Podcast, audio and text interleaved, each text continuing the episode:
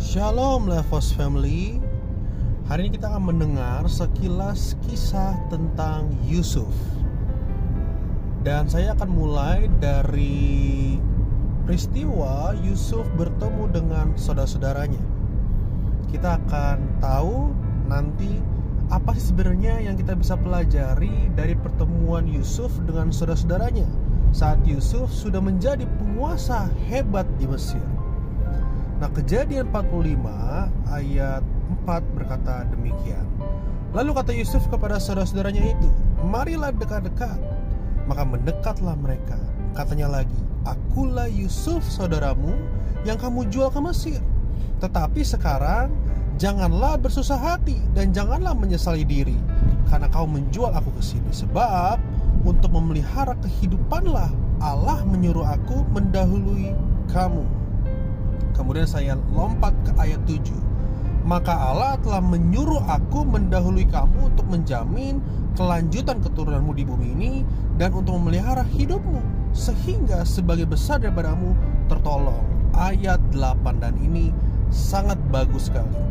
Jadi bukanlah kamu yang menyuruh aku ke sini Tetapi Allah. Dialah yang telah menempatkan aku sebagai bapa bagi Firaun dan tuan atas seluruh istananya dan sebagai kuasa atas seluruh tanah Mesir.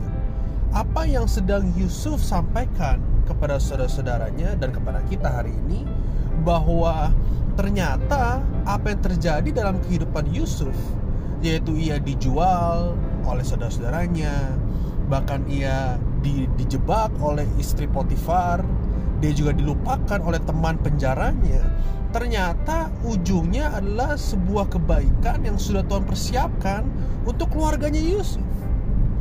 Dan menarik sendiri Yusuf Menarik di sini Yusuf berkata bahwa bukan kamu yang mengutus aku, tetapi Allah lah yang mengutus aku. Artinya dia mempercayai bahwa Allah lah yang mengerjakan kebaikan ini. Di sini kita bisa melihat bahwa Yusuf tidak menaruh curiga dengan kejadian-kejadian, kepahitan-kepahitan, kecewa-kekecewaan yang ada pada sebelumnya. Sebab akhirnya dia mengerti, oh ternyata memang sungguh Allah yang mengutus aku itu. Nah seberapa banyak dari kita ketika kita mengalami peristiwa-peristiwa yang menyakitkan, kita sering kali be bersungut-sungut kepada Tuhan. Kita sering kali kecewa dan berkata, Tuhan kenapa aku harus mengalami seperti ini? Padahal kalau kita belajar dari Yusuf, ternyata goresan-goresan kekecewaan itu sedang sedang mengerjakan sebuah kebaikan yang kita tidak tahu. Mungkin hari ini kita merasa kecewa, tetapi 10 tahun yang mendatang kita akan bersyukur atas kekecewaan itu. Nah, jadi di sini kita melihat bahwa Allah sungguh-sungguh mempunyai rencana yang baik, rencana yang sangat baik buat kita. Dan Yusuf mengajarkan kita untuk tetap menaruh percaya kepada Tuhan. Apa pun yang kita alami hari ini, kekecewaan, kepahitan, apa pun itu, ingat bahwa suatu saat kekecewaan itu bisa berdampak bagi kehidupan kita dan kehidupan orang-orang kita sayang. Bayangkan jika Yusuf waktu mengalami kekecewaan, dia berhenti, dia menyalahkan dirinya, dia dia tidak berkembang dan apa pun itu, ya dia tidak akan bisa menyelamatkan keluarganya dari kelaparan. Tapi Yusuf tetap setia kepada Tuhan. Kenapa saya bilang tetap setia? Kenapa Yusuf tidak kecewa? Lihatlah bagaimana waktu dia digodai oleh istri Potifar. Dia berkata, "Ya ampun, bagaimana mungkin aku bisa berbuat dosa yang begitu besar ini kepada Allah?" Artinya, dalam perjalanan hidupnya, dalam kecewaannya, Yusuf tetap setia kepada Tuhan. Bapak Ibu Saudara, mari kita kuatkan hati kita hari ini.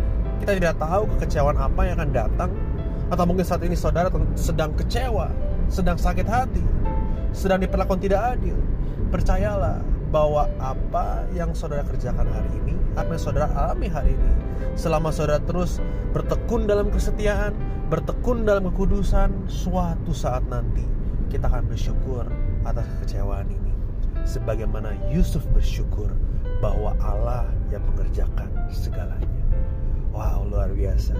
Tuhan Yesus memberkati kita semua. Amin.